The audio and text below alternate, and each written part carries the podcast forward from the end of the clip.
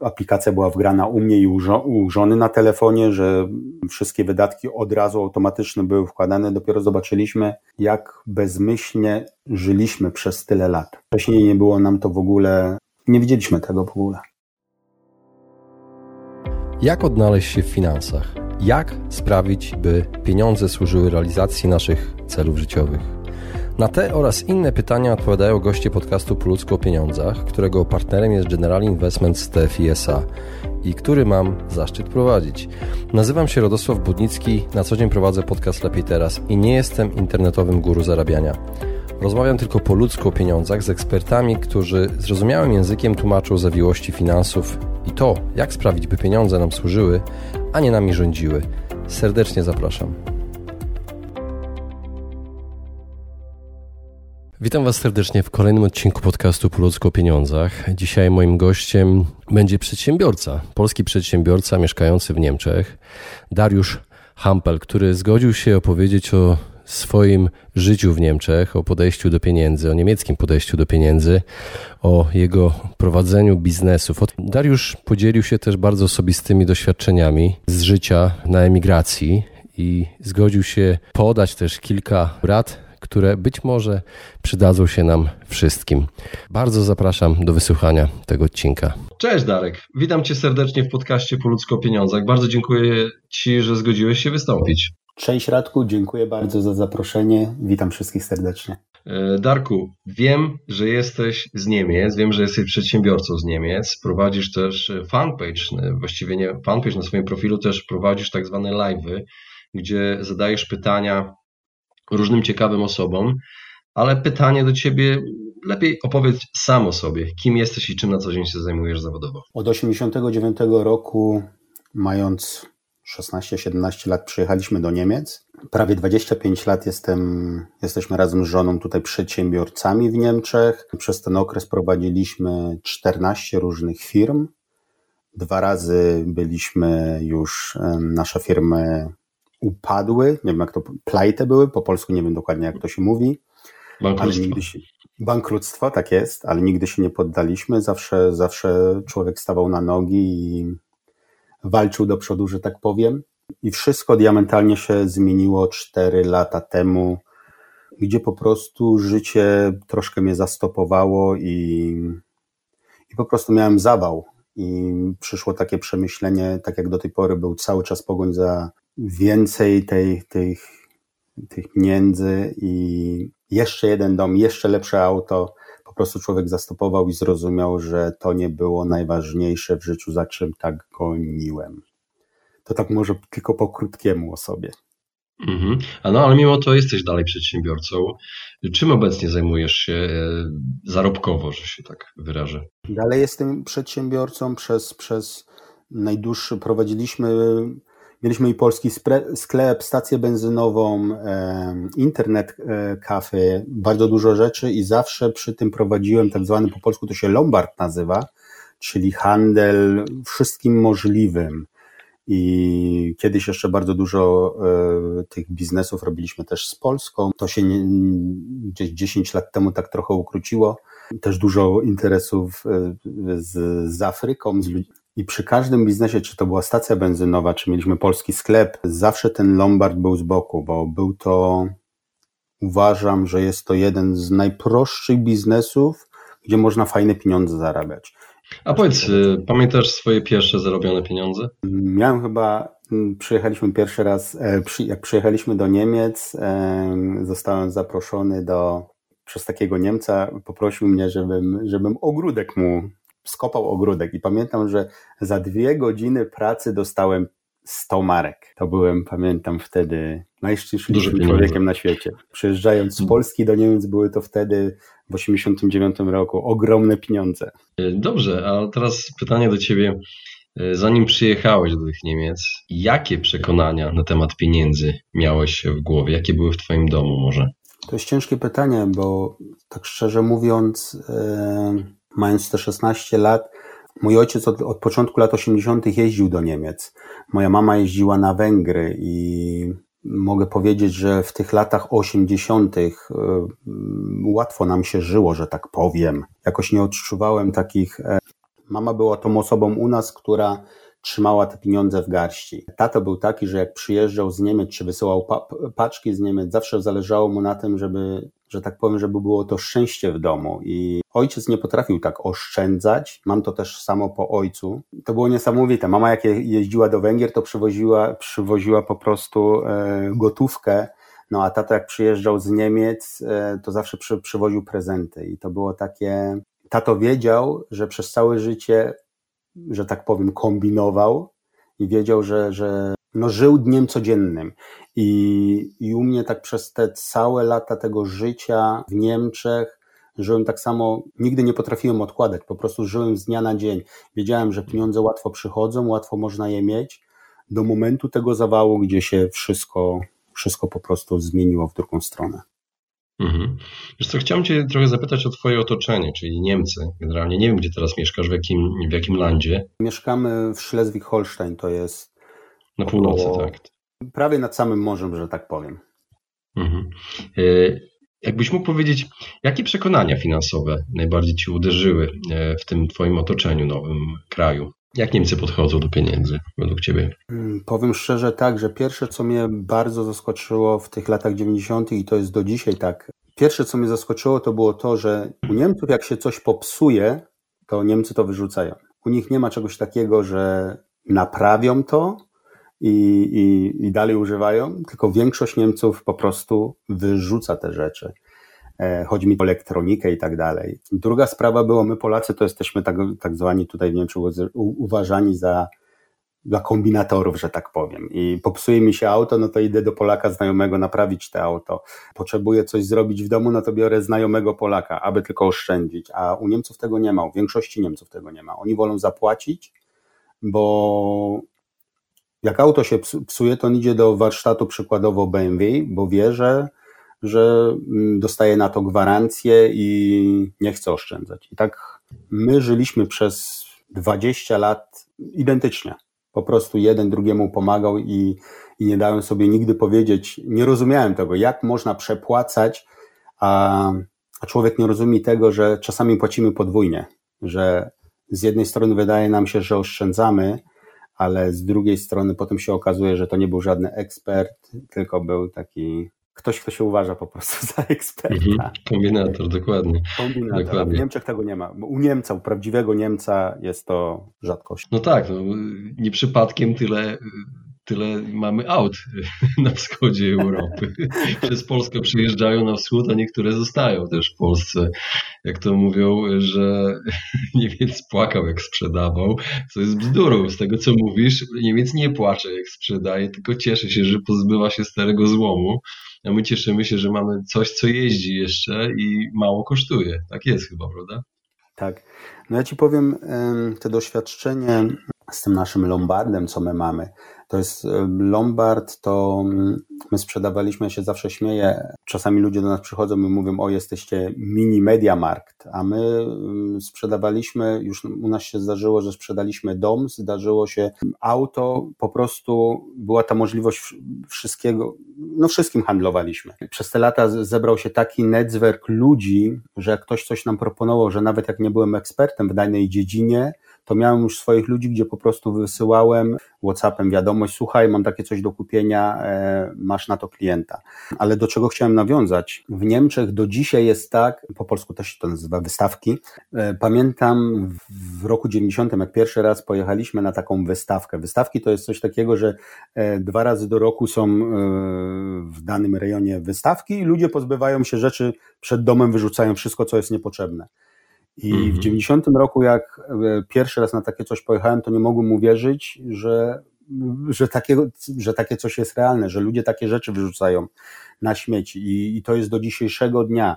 I przykładowo to, co ja widzę u nas w sklepie, często ludzie wstydzą się przyjść do sklepu, bo mają takie przekonanie, niemieckie przekonanie, ktoś mnie może zobaczyć, że wchodzę do takiego sklepu i pomyśli, że, że po prostu gotówkę, że mu idzie źle. I dlatego Niemiec woli wyrzucić przed dom niż sprzedać. I teraz, tak jak w latach, obojętnie, kupę lat temu jeździli, widzieliśmy tylko no, normalnymi jakimiś y, zwykłymi autami, Polacy przyjeżdżali, to dzisiaj jak zobaczymy, kto przyjeżdża na takie wystawki, to przyjeżdżają Polacy, Rumuni z Węgier i przyjeżdżają nowymi, nowymi busami. To jest tak zorganizowane, to jest no, niesamowity biznes, niesamowity biznes. Mhm. Mhm. Ale tam są rzeczy, które są jeszcze sprawne, y, niekoniecznie nowe, ale sprawne, które mają dużą wartość, rozumiem. No to jest tak zorganizowane, kiedyś to nie było, oni, to jest teraz grupa ludzi i, i każdy jest na coś innego przystosowany. Wszyscy są e, połączeni przez telefony, e, mają, e, to są no, normalnie firmy pozakładane i mają mhm, mhm. hale tu powynajmowane i przykładowo jeden zbiera to, drugi zbiera to, no jest niesamowita sprawa. Mhm. No i korzystają na tym, że Niemcy uważani są za naród bogaty. No i pytanie do Ciebie, jak to jest e, z tym bogactwem? Czy oni obnoszą się ze swoim bogactwem według Ciebie? Czy to jest tak, że raczej nie widać tego bogactwa u nich? Jak to wygląda? Znowu mogę powrócić do, tego, do tych lat 90. Ja mam prawie 50 lat, dlatego tak wracam cały czas do tego początku, jak to było na początku. Jak pierwszy raz przyjechaliśmy i weszliśmy, mieszkaliśmy w takim wieżu, wieżowcu, weszliśmy do tego wieżowca.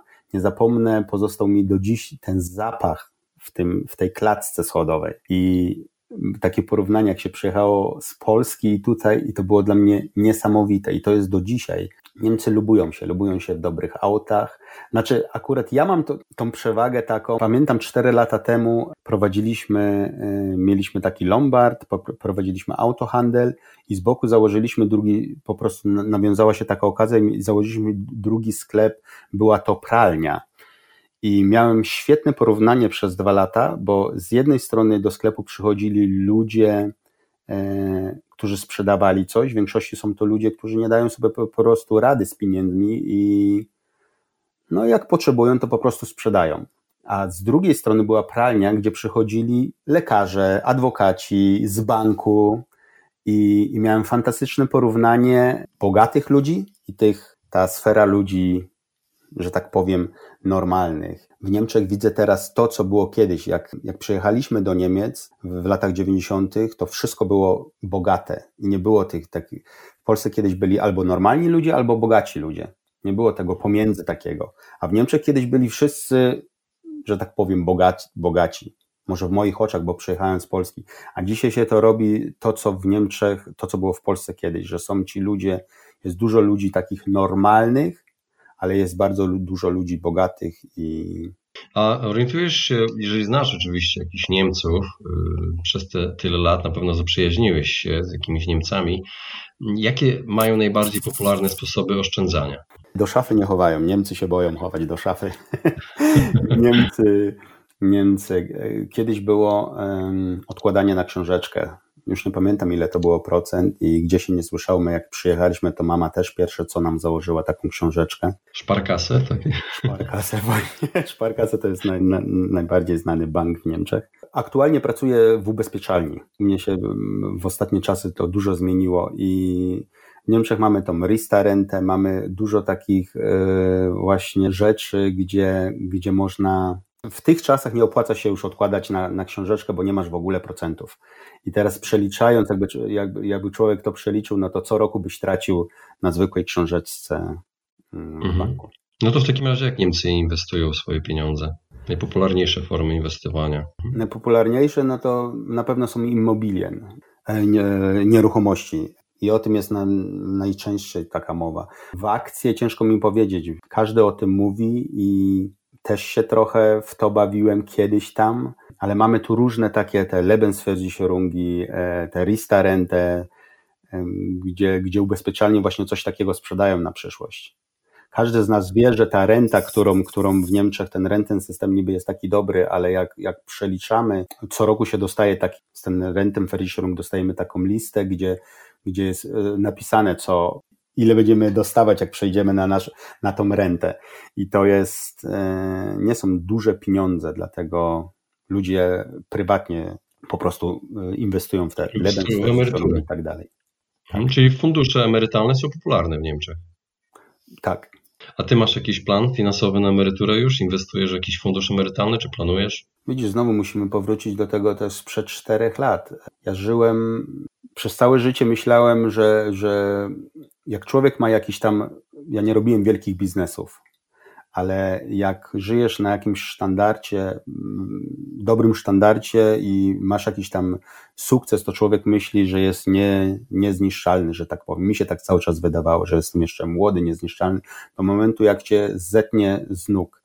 I do tamtej pory zawsze żyłem, wiedziałem, że jest tyle biznesów, które można robić, można zarabiać pieniądze, że się nie bałem niczego. Wiedziałem, że dzisiaj robię to, zarabiam, jutro robię to i, i, i te pieniądze jakoś się kle, kleiły. Dlatego nigdy nie odkładałem, żyłem dniem dzisiejszym. Żyłem dobrze, a nie potrafię, nie znałem słowo inwestuj. Inwestowałem sobie w akcje, kupiliśmy dom pierwszy, ale to nie było tak, że coś myślałem o, o, o przyszłości, żeby odkładać na bok, bo po prostu wiedziałem, że mam. To było takie, takie lekkomyślne, lekkomyślne myślenie.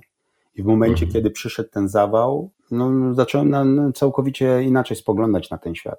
Co się zmieniło? W podejściu do właśnie pieniędzy, emerytury? Nie pomyślałeś o ubezpieczeniu na życie, o czymś takim?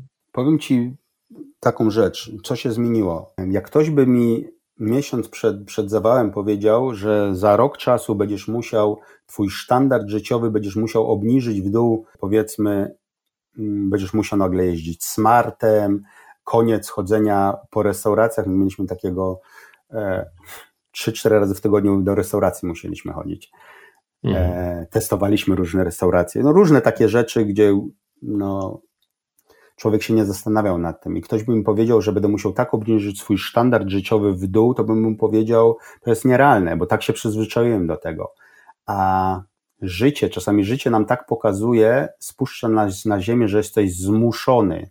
Zmuszony, sam ten przykład z tym, że nie odkładałem przez całe życie, że te, to, co mieliśmy na boku, bardzo szybko się skończyło, bo ze szpitala nie było coś takiego, że, mogłem sobie trzy tygodnie odpocząć jak każdy normalny człowiek, tylko po trzech tygodniach ze szpitala i od razu do firmy. I to jest takie zrozumienie, jak te życie może być krótkie, jak ważne jest zadbanie o zdrowie, zadbanie o tę poduszkę finansową, no i od tego momentu zmieniło się dużo. Zmieniło się to, że przestały być te rzeczy, co były kiedyś ważne, to chodzenie po restauracjach, wydawanie na nieszanowanie, po prostu nie szanowaliśmy tego. Zmieniło się, zmieniło się, no, zmieniło się strasznie. I teraz pytasz, co się zmieniło? To się zmieniło, że przykładowo e, człowiek czyta zawsze z tym budżetem, żeby mieć ten budżet finansowy, nie wiem jak to się po polsku nazywa. E, budżet domowy po prostu. Budżet domowy. Obojętnie w jakiej książce na ten temat nie czytamy, e, o tym stoi. I chociaż ja to zawsze wiedziałem, od 16 roku życia czytam te rozwojowe książki niby.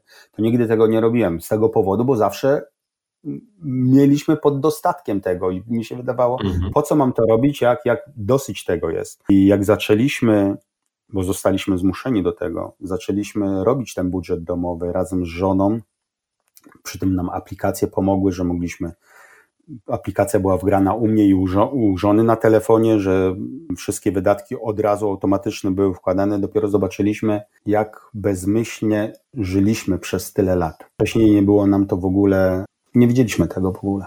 A jakiej aplikacji używaliście, jeśli można wiedzieć? Teraz musiałbym otworzyć telefon i zerknąć i ci powiedzieć, jak się ta aplikacja Nie ma problemu, jeżeli może zerknąć teraz. To jest ciekawe dla słuchaczy, którzy byliby zainteresowani taką zmianą oczywiście. My używamy Haushaltsbuch Money Stat się nazywa. Jest ona kosztuje, to niemiecka jest aplikacja. Nie, niemiecka, niemiecka tak. aplikacja. Ona kosztuje jednorazowo tam 5 e, euro i synchronizuje się po prostu automatycznie z komputerem i z telefonem od żony i kiedyś zapisywaliśmy to na kartkach i potem raz w tygodniu było wpisywane i to nigdy nie funkcjonowało i ta motywacja do tego, e, bo wiedzieliśmy o tym, że ten budżet jest potrzebny, ale tej motywacji nigdy nie było. Motywacja była jak, jak człowiekowi źle idzie albo coś nie funkcjonuje, no to mamy motywację jeden-dwa dni. A z tą aplikacją to po prostu funkcjonuje, bo automatycznie już mamy w krwi, że idziemy do sklepu, są wydawane, coś kupiliśmy, jest automatycznie to od razu, od razu wpisywane. I te mhm. statystyki, co nam potem pokazują, ile wydaliśmy na restauracje, czy, czy na, po prostu na pierdoły, które w ogóle są niepotrzebne, to czasami, czasami to rzeczywiście przeraża. Super, super rada, bardzo Ci dziękuję. Powiedziałeś też coś o, o poduszce finansowej. Czy, czy warto robić taką poduszkę finansową? Jak mamy zdrowie, i tak było do tego 43 roku życia, że nie przejmowałem się, były ciężkie, ciężkie czasy.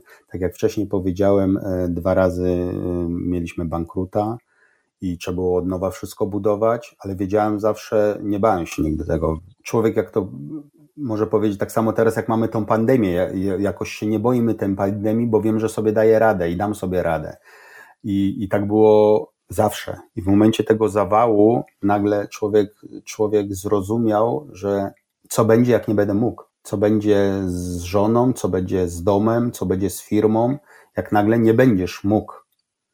I teraz ta poduszka, co my mieliśmy, e, w bardzo szybkim czasie po prostu się rozpłynęła. I, i mówię, przykre jest to, że człowiek, człowiek niby jest inteligentny, uważa się za inteligentną osobę, czyta dużo książek rozwojowych, a w gruncie rzeczy jest taki głupi, że potrzebował tyle lat, że musiało coś się stać, żeby zrozumieć tyle spraw. I to, to, hmm. to, jest, to, jest, to jest to, co mnie najbardziej, najbardziej tak boli, że hmm. nie myślimy przed, tylko dopiero jak się coś stanie. Czasami człowiek nie dostanie tej drugiej szansy, czy to jest ze, ze zdrowiem, czy tracimy partnera, czy cokolwiek. Ja dzięki Bogu dostałem tą drugą szansę i próbuję teraz zrobić jak najlepiej. Darku, bardzo Ci dziękuję za to wyznanie, bardzo osobiste wyznanie. Y, była to prawdziwa lekcja dla nas wszystkich, mam nadzieję, i do usłyszenia. Dziękuję bardzo za zaproszenie i do miłego usłyszenia. Pozdrawiam wszystkich. Właśnie wysłuchaliście podcastu Po ludzku o pieniądzach. Mam nadzieję, że Wam się podobało. Jeśli tak, poświęćcie swój czas, proszę pozostawić swoją recenzję na Apple Podcast. Jeżeli macie pytania lub propozycje dotyczące kolejnych audycji, piszcie do mnie na fanpage'u Po ludzku o pieniądzach i do usłyszenia następnym razem. Pozdrawiam serdecznie.